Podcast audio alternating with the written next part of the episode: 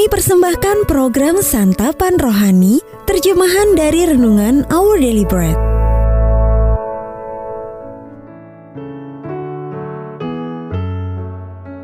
Sahabat ODB, pembacaan Alkitab hari ini terambil dari kisah para rasul pasal yang keempat, ayat 8 sampai 13. Kisah para rasul pasal yang keempat, ayat yang ke-8 sampai dengan ayat yang ke-13. Maka jawab Petrus penuh dengan roh kudus, Hai pemimpin-pemimpin umat dan tua-tua, jika kami sekarang harus diperiksa karena suatu kebajikan kepada seorang sakit dan harus menerangkan dengan kuasa manakah orang itu disembuhkan, maka ketahuilah oleh kamu sekalian dan oleh seluruh umat Israel bahwa dalam nama Yesus Kristus, orang Nazaret yang telah kamu salibkan, tetapi yang telah dibangkitkan Allah dari antara orang mati. Bahwa oleh karena Yesus itulah orang ini berdiri dengan sehat sekarang di depan kamu. Yesus adalah batu yang dibuang oleh tukang-tukang bangunan, yaitu kamu sendiri. Namun ia telah menjadi batu penjuru dan keselamatan tidak ada di dalam siapa pun juga selain di dalam Dia, sebab di bawah kolong langit ini tidak ada nama lain yang diberikan kepada manusia yang olehnya kita dapat diselamatkan.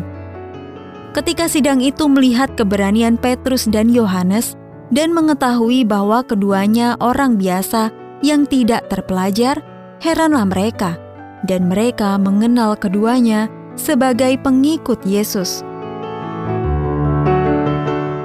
Ayat Mas Renungan hari ini terambil dari kisah para rasul pasal yang keempat ayat yang ke-12. Keselamatan tidak ada di dalam siapa pun juga. Judul renungan kali ini, Iman yang Berani, ditulis oleh Arthur Jackson. Sahabat ODB setelah pesawatnya ditembak jatuh pada Perang Dunia Kedua, Prem Pradan mengalami cedera ketika berusaha mendarat dengan menggunakan parasut. Akibatnya kakinya pincang seumur hidup. Ia pernah menulis, Satu kaki saya pincang. Bukankah ajaib kalau Allah justru memanggil saya untuk mengabarkan Injil di pegunungan Himalaya? Ia pun mengabarkan Injil di Nepal. Meski bukan tanpa rintangan, termasuk dihukum dengan dimasukkan ke dalam penjara maut bawah tanah. Tempat para tahanan menghadapi kondisi yang sangat sulit. Dalam kurun waktu 15 tahun, Prem mendekam 10 tahun di 14 penjara yang berbeda. Namun kesaksiannya yang berani telah membuahkan hasil, berupa hidup banyak orang yang diubahkan bagi Kristus, termasuk para sipir penjara dan sesama tahanan yang kemudian membawa kabar baik tentang Yesus tersebut kepada kaum sebangsanya. Rasul Petrus juga menghadapi perlawanan karena imannya kepada Tuhan Yesus dan karena ia dipakai Allah untuk menyembuhkan seorang lumpuh. Namun ia memanfaatkan kesempatan itu untuk berbicara dengan berani tentang Kristus. Hari ini sama seperti Petrus, mungkin kita juga menghadapi banyak tantangan. Namun masih ada anggota keluarga, rekan kerja, teman sekolah, atau kuliah – dan orang-orang yang kita tahu sangat perlu mendengar satu-satunya pribadi yang dapat memberi keselamatan, yang telah mati sebagai tebusan bagi dosa-dosa kita, dan dibangkitkan dari kematian sebagai bukti kuasanya untuk mengampuni dosa. Kiranya telinga dan hati mereka terbuka untuk mendengar kabar baik tentang keselamatan dalam Yesus Kristus yang kita wartakan dengan berani dan sungguh-sungguh. Sahabat ODB, bagaimana Anda dapat dengan berani mengabarkan tentang Yesus hari ini? Dan apa yang sering menghalangi Anda untuk bercerita tentang Dia kepada orang lain?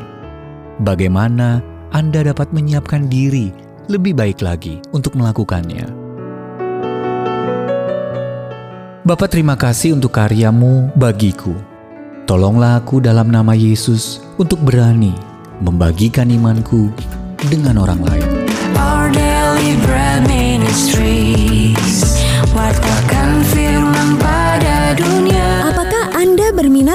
Mendapatkan buku renungan ini dalam bahasa Indonesia, Inggris, atau Mandarin? Atau Anda rindu mendukung pelayanan ini? Hubungi Our Bread Ministries di 021 2902 8950. WhatsApp 0878 7878 9978. Email indonesia@odb.org. Tuhan Yesus memberkati.